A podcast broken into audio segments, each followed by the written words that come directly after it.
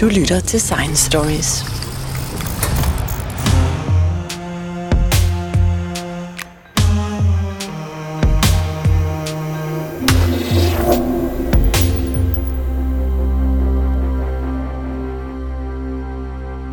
Vi hører ofte om alle de arter af dyr og planter, som forsvinder. FN taler om den sjette store massedød. Men hvad er det for nogle arter, der er ved at forsvinde, og hvad betyder det for os? Jeg har spurgt professor Carsten Rabeck fra Statens Naturhistorisk Museum, hvor slemt står det egentlig til med biodiversiteten? Vi lever i en tid, som vi kalder den 6. masseuddøen, og det gør vi, fordi at vi taber arter i et rasende tempo. Vi, øh, den sidste store masseuddøen var for 65 millioner år siden, hvor vi tabte øh, 75 procent af alle arterne. I dag der taber vi arter med en faktor 1000 til 10.000 gange mere end det normale. Og, og det er karakterisering ved en masseuddøen. Og hvilke arter det er? Jamen det er alle arterne. Det er ikke kun de store arter, det er især insekter, det er alle arterne. Det er fordi vi øh, er i gang med at fjerne naturen på jorden, og hvis der ikke er noget sted at leve, øh, så forsvinder arterne. Så vi har en 10-15 millioner arter på jorden, og øh, vi antager, at hvis udviklingen fortsætter, så taber vi måske 20-30 procent af, af de arter over de næste par 100 år. Men når jeg kigger ud af vinduet, så er det de samme træer, som plejer at stå der, og de samme fugle, der flyver rundt og, og lander på grenene. Og der er også både bier og alt muligt andet. Hvor er det egentlig, at de der arter øh, dør? Jamen, vi skal huske på, at det er meget svært at se det, der er forsvundet. Så vi har jo i Danmark har vi mistet en lang række arter. Men langt størstedelen af, af biodiversiteten på jorden, arterne på jorden, findes i, i troberne, især i bjergene. Øh, så det er der, at vi, vi har det største arstab. Men vi har også et stort arstab i Europa. Det er hele vejen rundt. Det, der bare er forskellen på for eksempel Danmark, det er, at hvis vi går ud og ser på en solsort og kører øh, 400-500 km, så er der stadig en solsort. Så de arter, der findes hos os, de er meget vidt udbredt, og de er meget almindelige. Hvis vi tager til troberne, så er arterne meget lille udbredelse. Øh, 25 procent af alle verdens fuglearter findes i et område, der er mindre end Danmark. Så det er et meget lille område. Det er også derfor, at når vi ser store øh, trækoncessioner og brænde i Amazonas, så er det et område, hvor der er en masse arter, der findes på et meget lille område, så de kan sagtens futte af i, i det, der foregår i øjeblikket. Og de har oftest et meget øh, lavt antal. Jeg plejer at sige, at det er øh, meget almindeligt at være sjælden på jorden, men i den del af verden, hvor vi er, der er tingene almindelige. Så der er mindre negativ indflydelse på den. Øhm, men, men altså, vi ser jo også et, et fald i individerne. Vi har siden øh, det moderne landbrug, har vi også i den vestlige verden, har vi jo øh, set et tab på over 30 procent af alle individer på jorden. Så vores natur bliver ringere og ringere. Vi har et stort tab af, af individer, vi har et stort tab af naturlig øh, biomasse øh, på jorden. Hvis vi, bare for at illustrere det, hvis vi øh, måler og vejer alt liv på jorden på fuglene, så er øh, 96 procent af det er høns og ænder som er vores. Øh, det vil sige, at den vilde natur er reduceret til at kun at fylde 4 procent af biomassen på jorden. Og det er det samme, når vi kommer over til, til, til pattedyr for eksempel.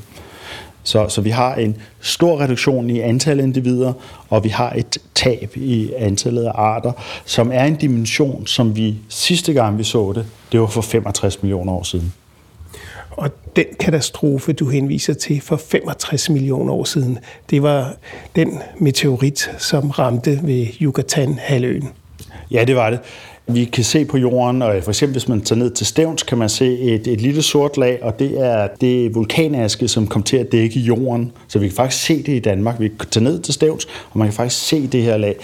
Så mm, der er lidt diskussioner om, om vulkanerne startede før øh, asteroiden øh, ramte øh, Yucatan, eller om det skete efter. Men under alle omstændigheder, så, så blev jorden simpelthen dækket ind, øh, og vi tabte 75 procent af alt øh, liv på jorden. Vi tabte alle de store øh, dyr, for eksempel dinosaurer. Øh, de små pattedyr, de små øh, dinosaurer, som så senere bliver til fugle, øh, overlever. Det var det, der skete dengang. Det, der sker nu, er anderledes. Øh, nu er det for første gang i jordens historie en art, os mennesker, der udrydder resten, og det gør vi ved at bruge jordens ressourcer overalt på jorden fjerner vi natur. Der er ikke ret meget natur tilbage. 60 procent af alle de øh, tilbageværende naturområder er, øh, er ved at blive øh, ødelagt af mennesker. Der er ikke ret meget natur tilbage. Det vil sige, der er ikke ret meget lebensravn, der er ikke ret meget plads til arterne, og derfor overalt på jorden, der falder antallet af vilde dyr og planter, og arter forsvinder. Så det er ikke så meget forurening og, og pesticider, men det er simpelthen øh, fordi, at, at områderne, hvor den vilde natur øh, kan leve, simpelthen bliver mindre? Ja, det er det. Altså, jeg plejer at sige, at den primære øh, faktor, både i Danmark, men også internationalt, det er mangel på plads. Det er den væsentligste faktor, og den næstmest væsentligste faktor, det er mangel på plads, og den tredje mest væsentlige, det er mangel på plads.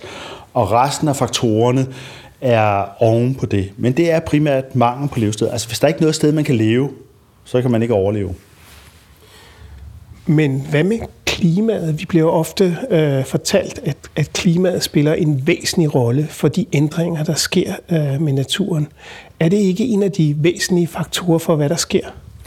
Klimaet øh, forandrer, eller naturen og arterne er tilpasset det klima, der er, og når klimaet forandrer sig, så vil, så vil naturen også forandre sig. Typisk vil det betyde, at når klimaet forandrer sig i Europa, der flytter klimaet nordøst på, så vil arterne følge med. Men vi har haft masser af klimaforandringer før på jorden, og det har, og som har været lige så store som det, der er i gang i øjeblikket, og det har arterne overlevet. Det, der er nyt, det er, at når man skal flytte rundt på sig, hvis man er fanget i en lomme af natur, og man skal flytte på sig, og naturen omkring er ryddet, så er der ikke nogen steder at flytte hen. Og det vil sige, så er vi tilbage til, at det er mangel på naturen, som er problemet, og ikke klimaet sig selv. Klimaet er en stressfaktor, men den forstærker den negative effekt af, at vi ødelægger naturen. Ligesom der findes en international, FN's internationale klimapanel, så findes der også et for biodiversitet, og de har gjort op, hvad de primære faktorer er. Og den primære faktor er, er ødelæggelse af levesteder, så er det det, der hedder invasive arter, det vi flytter rundt på arter, som ikke hører hjemme, som har en negativ øh, indflydelse. Og først meget langt nede øh, med en mindre faktor kommer klimaforandringer, altså den direkte effekt af klimaforandringer. Men klimaforandringer vil medføre store forandringer i, hvordan naturen er sammensat, og hvilke arter der er hvor. Men kan vi ikke bare være lidt ligeglade, fordi der er lidt øh, flere eller færre arter? Altså, det er jo ikke noget, der nødvendigvis påvirker os. Det kunne vi sagtens. Men man kan sige, at i 92 får vi en biodiversitetskonvention, øh, og den tiltræder de fleste lande i verden, og den har en ret interessant ting. Den har en moralsk, etisk synsvinkel på, at alle arter har en eksistensberettigelse. Den anden ting, som kommissionen har, det er faktisk en brugerkompensation. Det vil sige, det er der, hvor Brundtland blandt andet introducerer bæredygtig udnyttelse. Så det er ikke en beskyttelses kommission, det er faktisk, at vi må godt bruge naturen, men det skal være bæredygtigt. Og så ligger der den moralsk etiske ting, at vi må ikke bruge den til en grad, så vi udrydder andet liv på jorden. Så der er sådan en moralsk etisk ting til biodiversiteten, og det er i høj grad det, der driver tingene. Så i de senere 10 år er vi begyndt at se på, hvad betyder det for vores 25 i lommen? Hvad betyder det for os mennesker? Og hvis man skal være sådan, sætte det lidt på spids, så kunne man jo spørge, kan du lige at trække vejret? Hvor kommer ild fra? Ilt er produceret, halvdelen af ild på jorden er produceret af fytoplankton i haven, den anden halvdel er produceret af, af planter øh, på landjorden. Det vil vi gerne fortsætte med.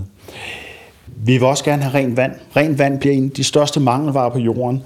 Vandcirkulationen er vi helt afhængige af vores landbrug og som drikkevand, øh, og en stor del af oprensningen af vand og vandcirkulation er sikret af de naturlige øh, systemer. Hvis man regner på, hvis vi ødelægger dem, hvad vil det så koste at gå ind og, og være ingeniør og lave det? Og når man begynder at, at lave de der ting, så kommer man oftest frem til, at, at det er 20-50 gange dyrere, hvis mennesket skal gå ind og, og, og ligesom generere de her naturlige processer, frem for at lade naturen lave det. Så der er en masse værdi i det øh, for mennesket. Man har regnet ud, at øh, hvis vi regner ud på det bruttonationalprodukt, som mennesket bruger på global basis, øh, der udgør det, vi får fra naturen gratis, cirka op mod 50 procent. Så det er ret meget, vi får. Det, der er vores udfordring, det er, at jeg går ikke ned i supermarkedet og køber ilt eller køber de her søl, Så der er ikke et marked for den. Og så har der været, så har vi måske levet op igennem øh, den moderne tidsalder med, når noget er gratis, har det ikke nogen værdi. Men efterhånden, som vi mister det her, så opdager vi, at det er raste dyrt at erstatte, og det har en værdi. Og det er det, som økonomer i høj grad arbejder med. Hvad er de her øh, goder for naturen værd? Øh, og det er en af grundene til, oven i de moralsk-etiske, at vi øh, ser en meget beslutsom EU-kommission på det her område, fordi det simpelthen giver økonomisk mening. Vi tager på vores, øh, vores bankkonto, vores egenkapital, men der er også en, en fremtid til vores børn og børnebørn, og de skal også have de her servicer for naturen, og det giver god økonomisk mening. Hvis man skal øh, illustrere det med noget sådan lidt mere jordnært, så øh, jeg kan godt lide chokolade. Chokolade kommer fra en plante i det tropiske bælte, og øh, den er, det er nogle små blomster på en stamme, og øh, den er bestøvet af, af, eller den er ikke bestøvet, de sterile, så det er nogle små mygfluer, der er inde og roder rundt i systemet, så der kommer en bønne. Det siger kun 2% af den, der kommer ud til at være en bønne. De har også brug for en, en stor luftfugtighed, som kun findes inde i tropisk skov. Så når vi ødelægger tropisk skov, så kan vi ikke længere producere kakao. Der har lige været en stor artikel ude, som siger, at kakao bliver formentlig mere sjældent end kaviar. Og hvis vi ser på, hvor meget vi bruger det her til, så jeg er i hvert fald ked af det. Jeg kan godt lide, øh, uh, lide chokolade. Det er fordi, vi, det ikke lykkes os at finde ud af, hvordan vi kan producere det her mere industrielt. Vi er faktisk afhængige af, at det bliver dyrket i, i naturlige omgivelser. Vi kan simpelthen ikke genskabe de her ting. Øh, bestøvning på jorden. Øh, 8% af alle vores afgrøder er afhængige af, af, af bestøver. Og her er det ikke bare øh, bestøver af, af honningbier. Øh, hvis vi ser på kaffe, kaffe behøver ikke bestøvning, men hvis den har bestøvning, så stiger produktiviteten 20% i udbyttet.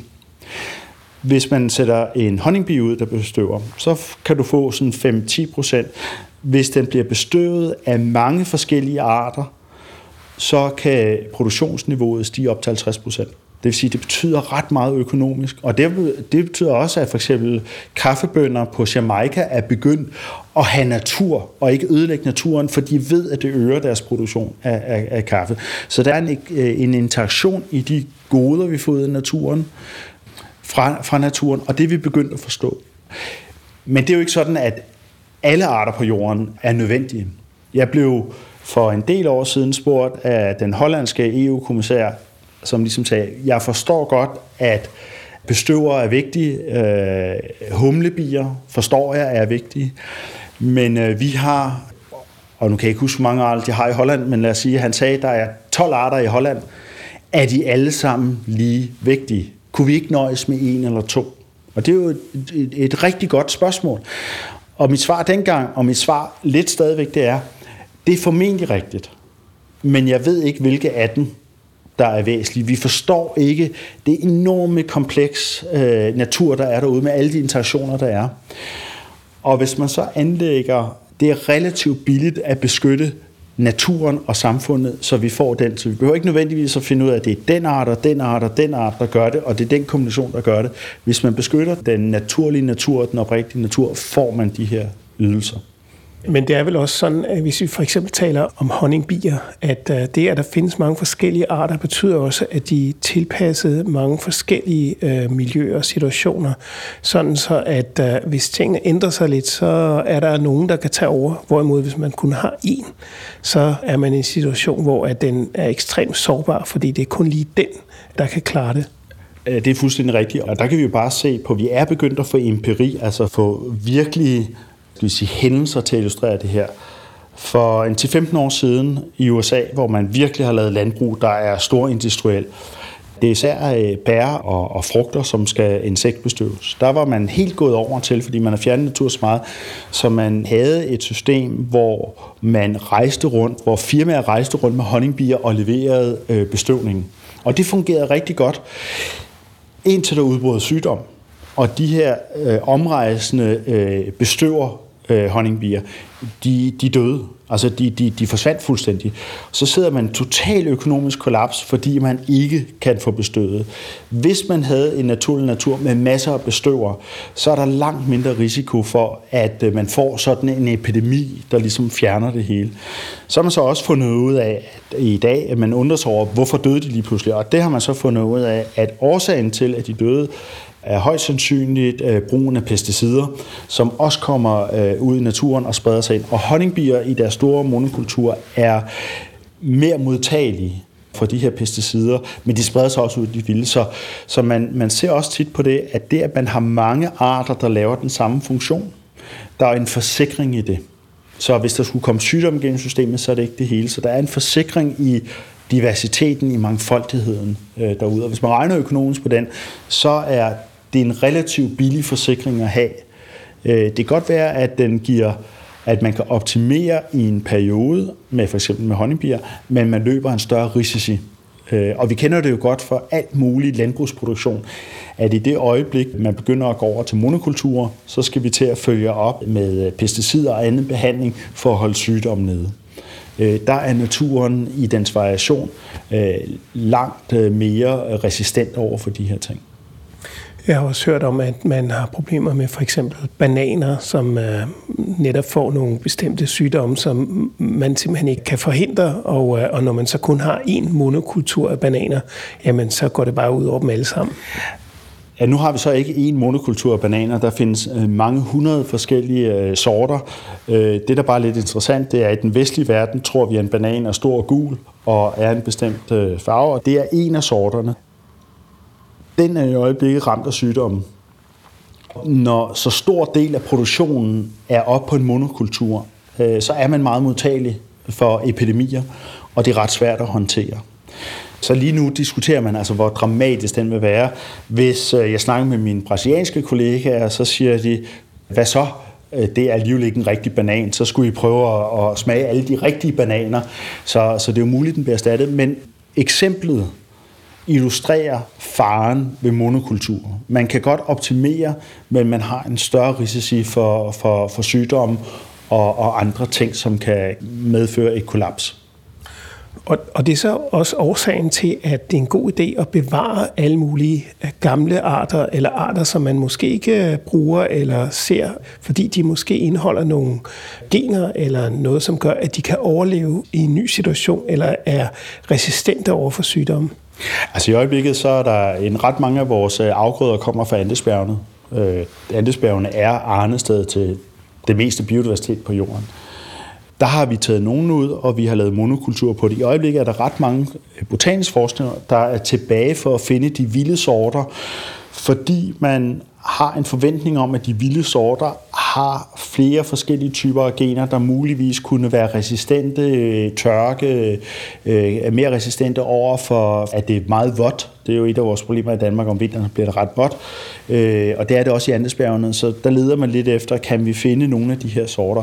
Så naturen er selvfølgelig også et, øh, et enormt øh, genetisk, jeg skal sige, bank, hvor vi kun vi har bygget det meste af vores velstand op på relativt få sorter, som vi har optimeret, optimeret. Men i takt med, at klimaet også forandrer øh, betingelserne, og at vi får øh, nye sygdomme, der opstår og spreder sig, så begynder man at være mere og mere interesseret i at have en variation, og også bruge den genetiske bank, der ligger i naturen. Nu er der meget fokus på Amazonas øh, skoven, som brænder menneskepåskabt. Og, og Amazonas har meget af liv på jorden, men har også en stor genetisk variation. Det vækker måske til eftertanke, hvis man er klar over, at de kemoprodukter, som vi bruger i kraftforvaltning øh, for øh, behandlingen, der er 75 procent af alle kemoprodukter har komponenter, der kommer fra vilde planter i Amazonas. Og vi har måske undersøgt en promille. Så den biodiversitet, den har i virkelig en kæmpe stor øh, værdi i form af, af genetisk materiale, som kan bruges øh, i alle mulige sammenhæng. Vi ved det bare ikke. Øhm, det er rigtigt. Så, så der ligger øh, det, man typisk økonomisk vil kalde øh, option value. Der ligger en fremtidig værdi, som vi ikke lige kan sætte kroner og øre på, for vi ved ikke, hvad vi skal bruge den til. Men hvis vi, hvis vi fjerner den, så er den der ikke mere. Og så er det der, hvor man begynder at sige, hvad er den kortsigtede økonomiske gevinst ved at fjerne den, og hvad kunne være den langsigtede økonomiske gevinst ved at bevare den. Og når man begynder at regne på de der ting, så er de fleste studier kommer ud til, det kan simpelthen ikke betale sig at ødelægge den, fordi den kortsigtede gevinst er relativt lille, mens at der er ret store værdier i den fremsigtede. Hvis vi ser på malaria, så var den første effektive øh, malariabehandling kommer fra kanin, som er fra et træ i, i Andesbjergene. Og vi er også, øh, vi har nu fået øh, meget mere effektive produkter, som er kunstigt fremstillet. Men det vi også ser, i kraft af, af behandlingen og at øh, det lyder almindeligt at, at spise det, det er, at vi begynder nu at se myg, der er mere resistente. Det er, øh, bliver mere og mere almindeligt, at man får malaria, selvom man tager de piller, man skal tage. Og, og derfor så er der også en del forskere, der er på vej tilbage i Andesbjergene for at se, om der er variationer af kanin, som har nogle, som har en større modstandskraft nu hvor der er ved at udvikle sig resistent i, i, i myggene. Og det gælder sådan set alle mulige sygdomme. At, at det er jo et, det, vi kalder et evolutionært øh, våbenkapløb, hvor vi bliver angrebet med sygdommen, vi forsvares mod sygdommen, det virker i starten, så ændrer sygdommene sig, så skal vi komme op med det, det, det næste forsvarsværk på det. Og der er den genetiske diversitet, det ved vi af erfaring, rigtig, rigtig væsentligt. Så, så det der enorme genetisk bank, vi har derude, er dybt bekymrende, at vi er ved at fjerne Vi er ved at, at gøre jordens øh, meget mere homogen og ensrettet, og det, øh, det har et stort tab af, af værdi og også værdi for mennesket. Men kan man ikke bare overkomme det her ved hjælp af, af gensplejsning, genetisk øh, manipulation? Øh, altså, vi har jo alle mulige teknikker til at, øh, at manipulere organismer, og så vil man kunne øh, måske lave nogle nye organismer, som øh, nemmere kunne klare sygdom, eller have resistens, eller tørke osv.? Jo, det kan du godt. Men mængden af kombinationsmuligheder, der er, når du begynder på det, er uendeligt. Det er derfor, man typisk går ud og laver en screening på den vilde natur, ser på, om man kan finde, man ved godt, hvad det er for nogle typer af strukturer, man leder efter for at finde variationer af det, og så går ind og tester på dem. Og hvis man så finder ud af, at de virker, så begynder man at lave en mere fabrikskombination. Men, men det er en af årsagen til, at når vi leder efter de her ting, så kan det godt betale sig. Jeg er involveret i et projekt, der går ud på at screene alle træplanterne i Amazonas. Og det er, øh, hvad skal vi sige, den her variation, der er derude, er jo resultatet af millioner og millioner år af evolution og kombinationer.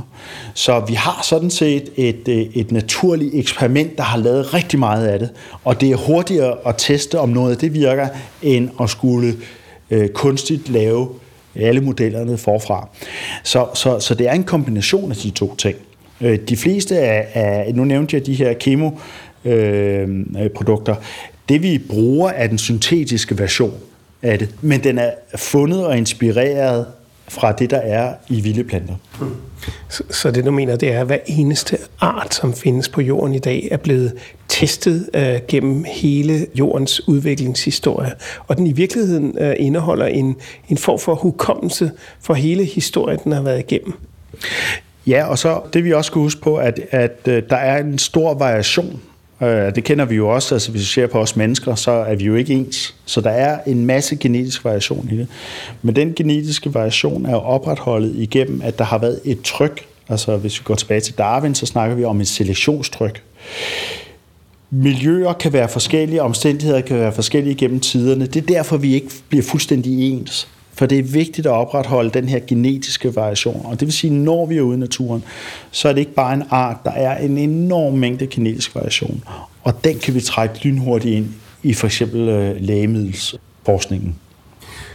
Nu snakkede vi her for et øjeblik siden om den sjette masseudryddelse, og om tidligere masseudryddelser, der har været på jorden. Mener du, at de arter, der findes øh, i dag, at de i virkeligheden har også en hukommelse over for klimaændringer eller store ændringer, der har været i jordens økosystem, så man kan sige, de har i virkeligheden tilpasset sig øh, den udvikling, der har været tidligere? Og det er på grænsen til et kætterisk spørgsmål. Øh, det er sådan noget, vi tænker, men ikke tør sige, snakker om offentligt, fordi den klassiske forklaring, det er, at der er det her selektionstryk på, og der kommer en passiv resultat ud af det.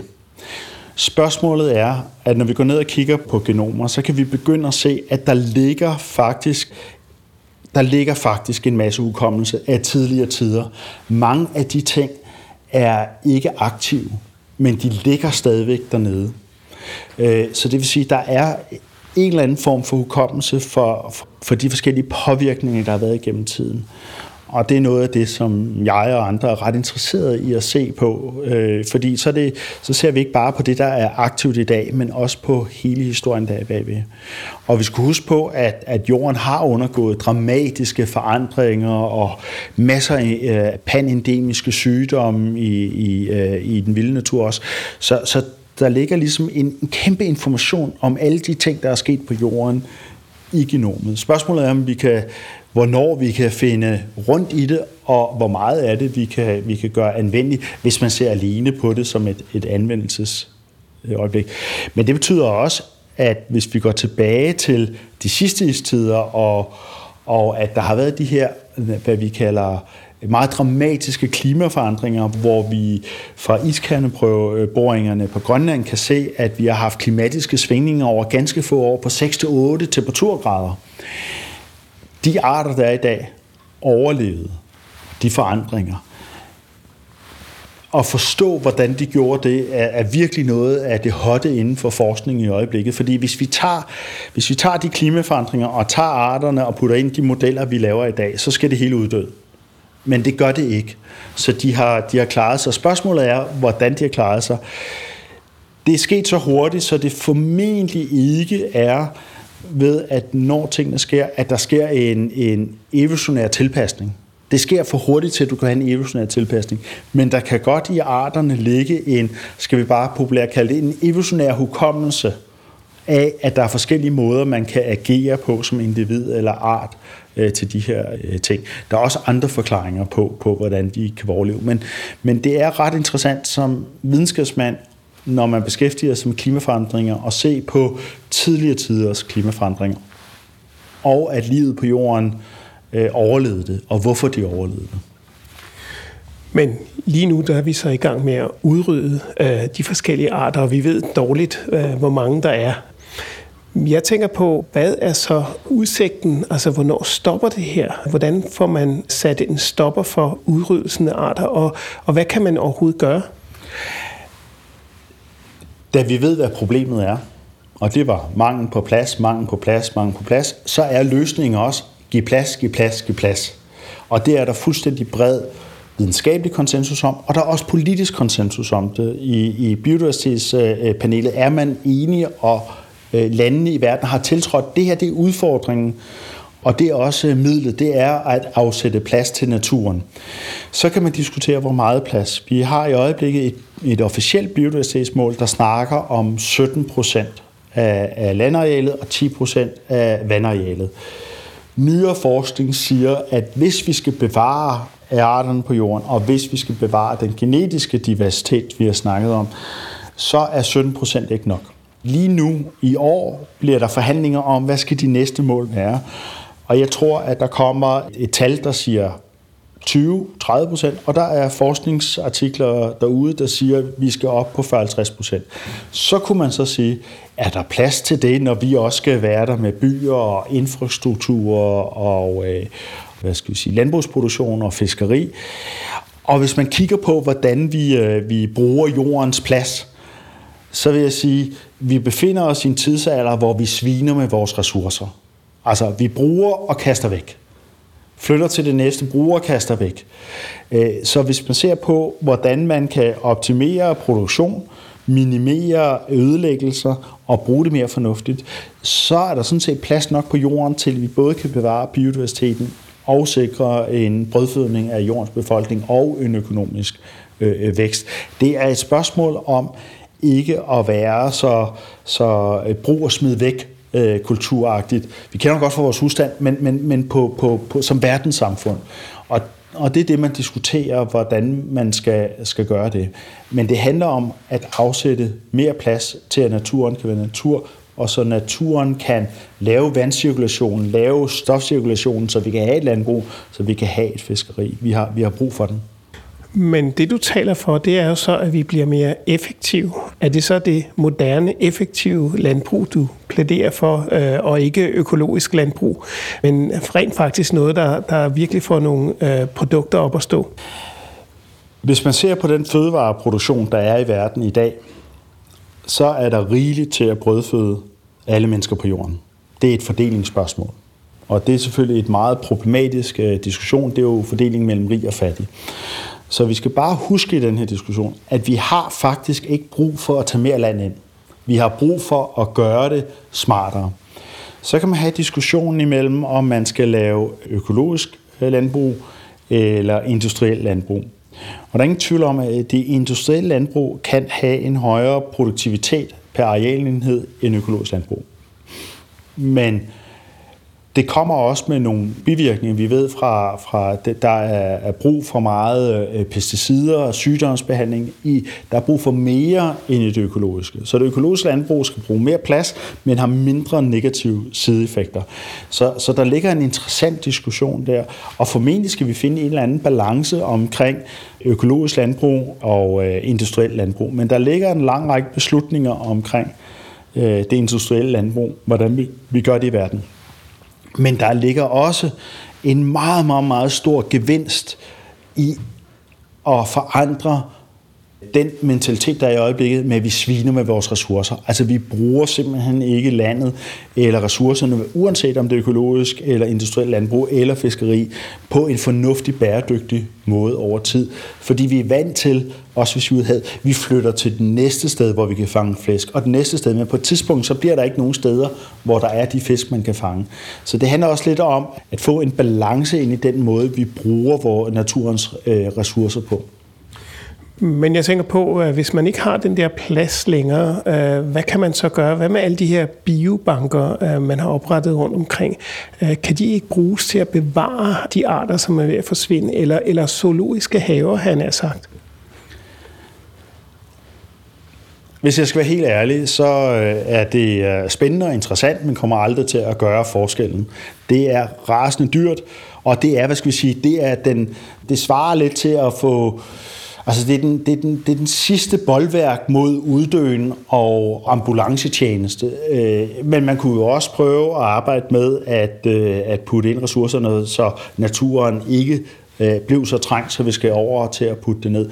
Og, og vi, vi kender også for menneskerne, altså der er også øh, en masse forretning, hvor du kan, hvor du kan nedfryse øh, din sæd og så videre, så videre, så videre.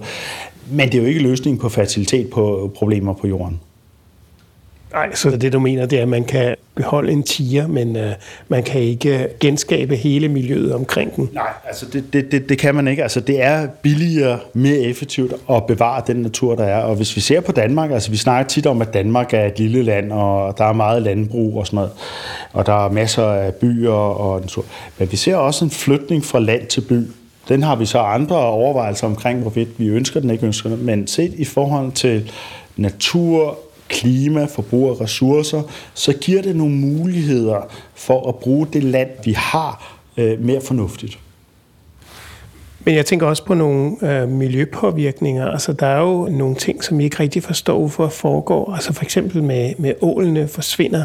Altså det må også være noget, som, som ikke nødvendigvis er, fordi de har fået mindre plads, men simpelthen fordi, at der er nogle øh, ting, der sker. Ja, men ålen, øh, det, det er sådan et klassisk eksempel på overfiskeri. Så det simpelthen, fordi vi har fisket for mange.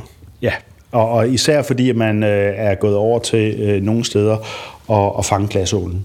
Og hvis man begynder at fjerne, hvad skal vi sige, det, der skal blive til voksenål en masse, så har det en stor øh, negativ effekt. Så ved vi ikke ret meget om, hvad der foregår i Sargasso-havet, øh, og det der er en del, der forsker på. Men altså, den umiddelbare effekt, det, det er et overforbrug af den ressource, så den ikke kan nå at, hvad skal vi sige, reetablere sig så, så det, det er ålen et godt eksempel på. Nu taler vi ofte om, at vi ikke ved, hvordan samlingen er. Vi mangler mere viden.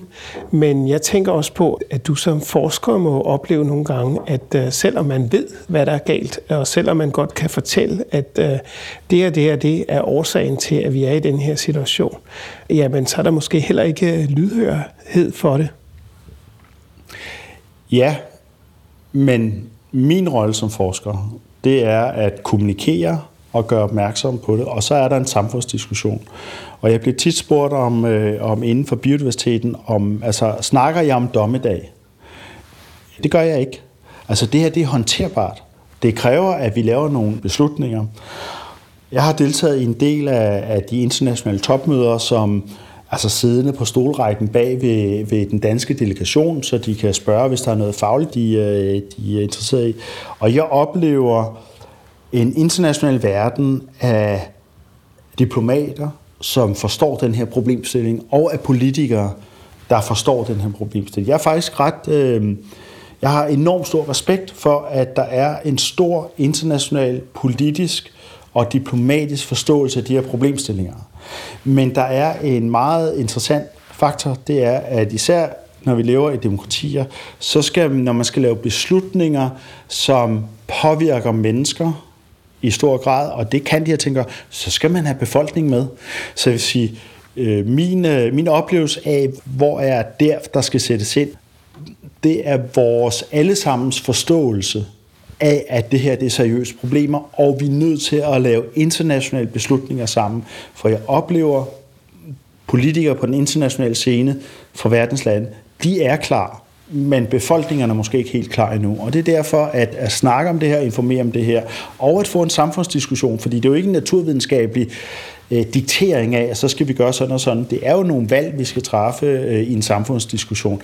Og jeg vil sige, det er der, vi står nu. Altså, vi, vi har sådan set langt hen ad vejen viden, jeg oplever også, at der øh, politisk er en forståelse af det her globalt set, men vi skal også, ligesom på klimaområdet, have befolkning med på, hvad det er, der skal ske, og, og vi skal være enige, og vi skal snakke med hinanden om, hvor store er problemerne, og hvad vil vi gøre for at løse dem.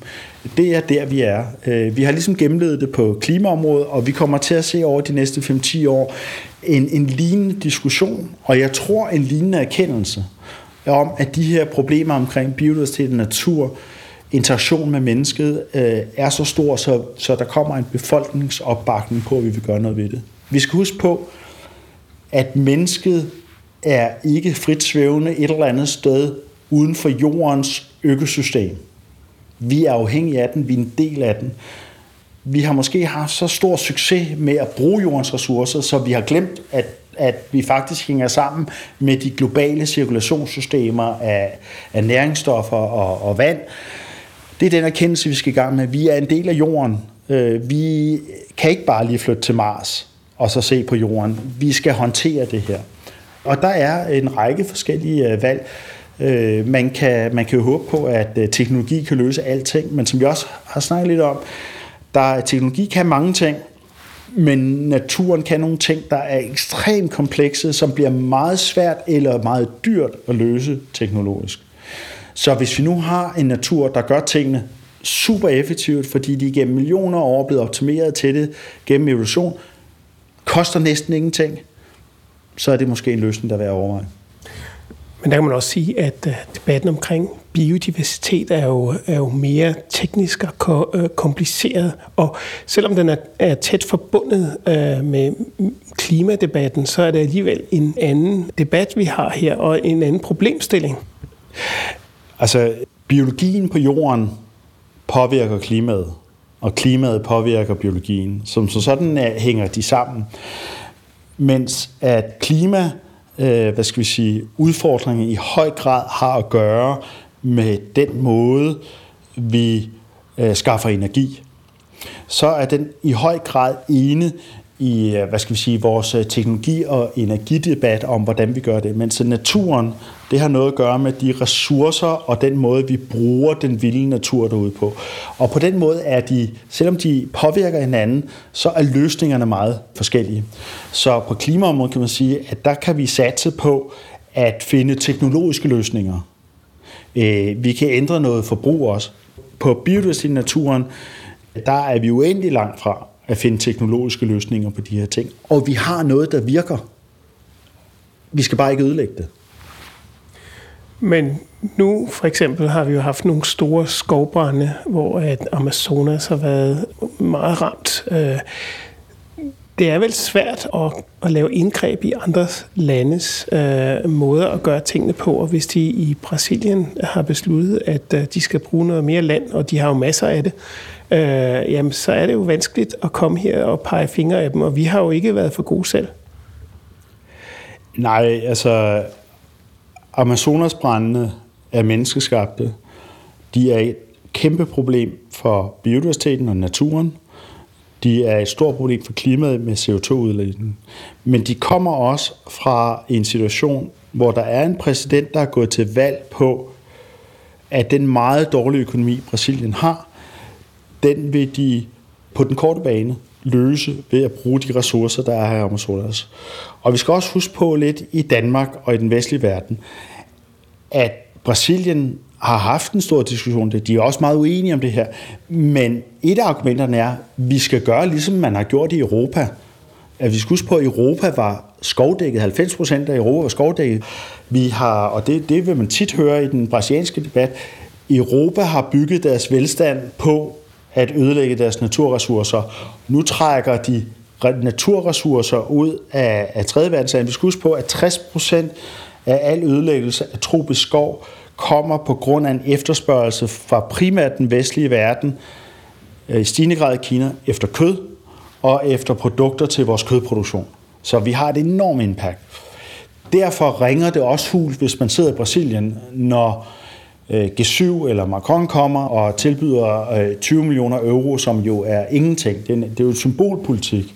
Og derfor var svaret tilbage fra Brasilien, måske I skulle bruge den på at plante skov i Europa. Øh, og det er jo et naturligt og rigtigt svar, vi skal også ind Når man sidder ude i de internationale kopmøder, så skal landene blive enige. Der er ingen tvivl om, at nogle lande har større værdier og betyder mere end andre. Men oftest, hvis det kun er der, vi ligger indsatsen, så vil det være en økonomisk hemsko på de lande, mens at der er nogle andre lande, der måske har brugt ressourcerne, som har friløb.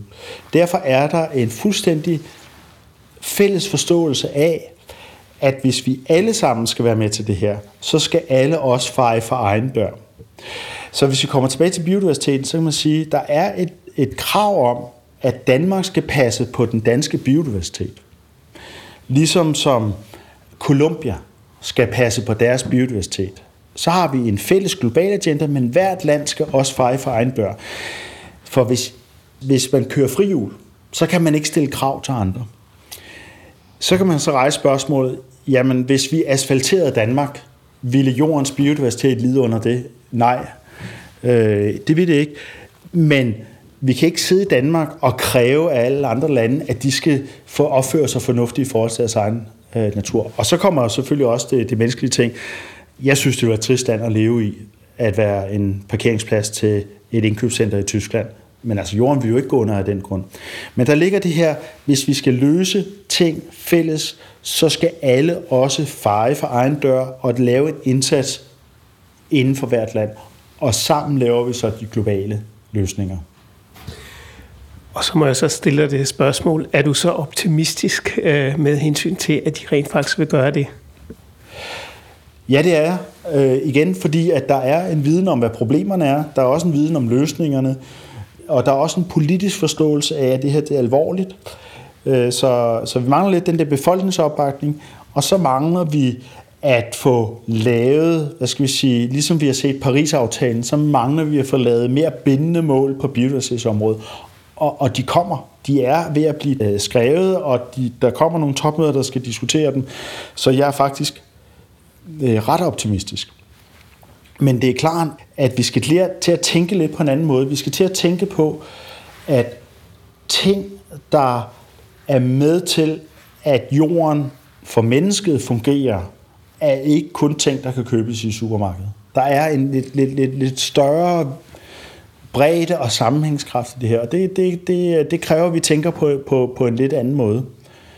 Der er også en stor diskussion om, hvorvidt at gå bæredygtigt og passe på naturen, vil forårsage, at der ikke kan komme økonomisk vækst på jorden. Det er der faktisk en del NGO'er, der var ude at sige, vi skal erkende, at det kan ikke lade sig gøre. Det er jeg lodret uenig i, fordi det bygger på en gammeldags økonomisk forståelse, som er brudt sammen. Altså vi er på vej ind i en ny grøn økonomi, hvordan den så er.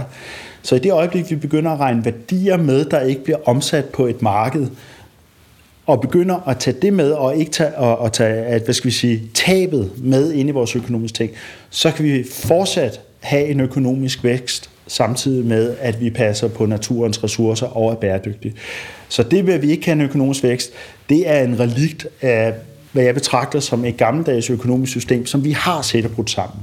Og der er masser af økonomer, som arbejder med, hvordan gør vi så de her ting. Så det du mener, det er, at selvom vi hele tiden hører, at det, bliver rigtig dyrt med, med at lave en klimaløsning og lave en klimaomlægning, øh, så er en biodiversitetsløsning ikke nødvendigvis øh, dyr for samfundet. Jeg vil sige det sådan, at modsat, det bliver dyrt, hvis vi ikke gør det. Vi kommer til at tabe en masse af de servicer, som vi får fra naturen, og det bliver nogle ting omkring vandcirkulation, omkring bestøvning, omkring fiskeri, omkring alt det, vi trækker ud fra naturen, at hvis, vi, hvis det pludselig løber ud, og vi skal til at erstatte det, så bliver det rigtig dyrt, og det vil blive en økonomisk hemsko på den økonomiske udvikling. Så, så det bliver dyrt, hvis vi ikke gør noget. Men meget af det, Altså meget af den udgift er jo ting, som vi ikke kender til. Altså det er jo ikke øh, noget, som bliver trukket fra i noget regnskab. Det er jo simpelthen fordi, at det kommer til at mangle, uden at vi ved, at det er der. Og, og det er jo årsagen til, at en hel del økonomer sidder og arbejder på, hvordan kan man lave et øh, statsregnskab, som tager de her faktorer ind i det. Fordi det der problemet, Øh, når, når vi ikke kan når vi ikke kan beregne på det, når vi ikke kan putte det ind i vores eksisterende økonomiske systemer, så er det svært at tage højde for. Så bliver det sådan lidt en... Så vi, vi betragter oftest naturen som en udgift. Og det er fordi, der, vi, vi har ikke en indtægtsside. Vi, vi ser ikke de positive effekter. Så i vores samfundsdiskussioner og vores økonomidiskussioner, så skal vi til at have de positive effekter ved det. Det kan også godt bare være ved, at man er glad ved, at der er natur. Det betyder også noget for samfundet. Men vi skal til at have den tid ind, og det har vi ikke i øjeblikket. Costa Rica er ret langt fremme med at øh, i deres øh, statsregnskaber at få de her værdier ind i. Øh, Colombia er godt på vej, øh, men der er masser af, af forskning på det område, og vi ser også især de store multinationale firmaer, der begynder at sige, der har været en dagsorden omkring klima, der har været en dagsorden omkring bæredygtighed og, og bæredygtighedsmålene, og så kommer der en dagsorden omkring natur og biodiversitet. Og den begynder de også at sidde og se på, hvordan kan vi håndtere det, fordi det betyder noget i det samlede regnskab. Men så længe vi ikke kan gøre det operationelt, så er det svært politisk at agere i samfundsbeslutninger på det. Så der ligger en kæmpe, kæmpe udfordring. Og det er også derfor, at jeg har ikke noget mod at snakke om, at naturen også er til for mennesket. Der er nogen, der mener, at vi alene skal snakke om, at naturen har en, en iboende egenværdi og herlighedsværdi. Det har den i høj grad for mig. Men jeg synes ikke, det er odiøst, at vi snakker om, at naturen også er vigtig for mennesket. Der bliver sagt rigtig meget sludder derude omkring det her, men, men vi snakker om en jord, og at vi bruger den jord, og vi skal bruge den fornuftigt. Og hvis ikke du snakke om, at naturen også har en værdi for mennesket, så bliver det endnu sværere at håndtere. Og så tror jeg ikke på, at vi når, hvad skal vi sige, øh, øh internationale beslutninger. Omkring etablering af FN-panelet for biodiversitet og økosystemtjenester, den etablering, som har enorm politisk gennemslagskraft, den er i høj grad motiveret ud fra, at naturen godt må bruges af mennesket.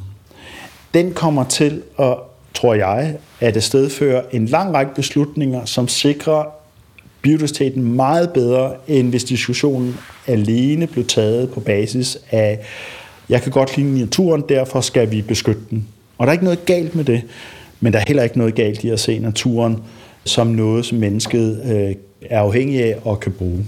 Så for mig går de to ting hånd i hånd. Tak skal du have, Carsten Harrik.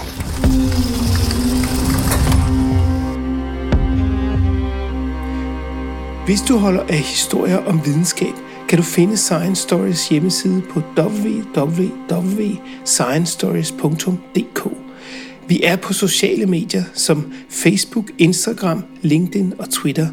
Du kan finde vores podcast på de fleste podcastudbydere som SoundCloud, Podimo, Spotify, og hvis du bruger Apple Podcast, må du meget gerne give os en rating og en kommentar, så andre også kan finde os.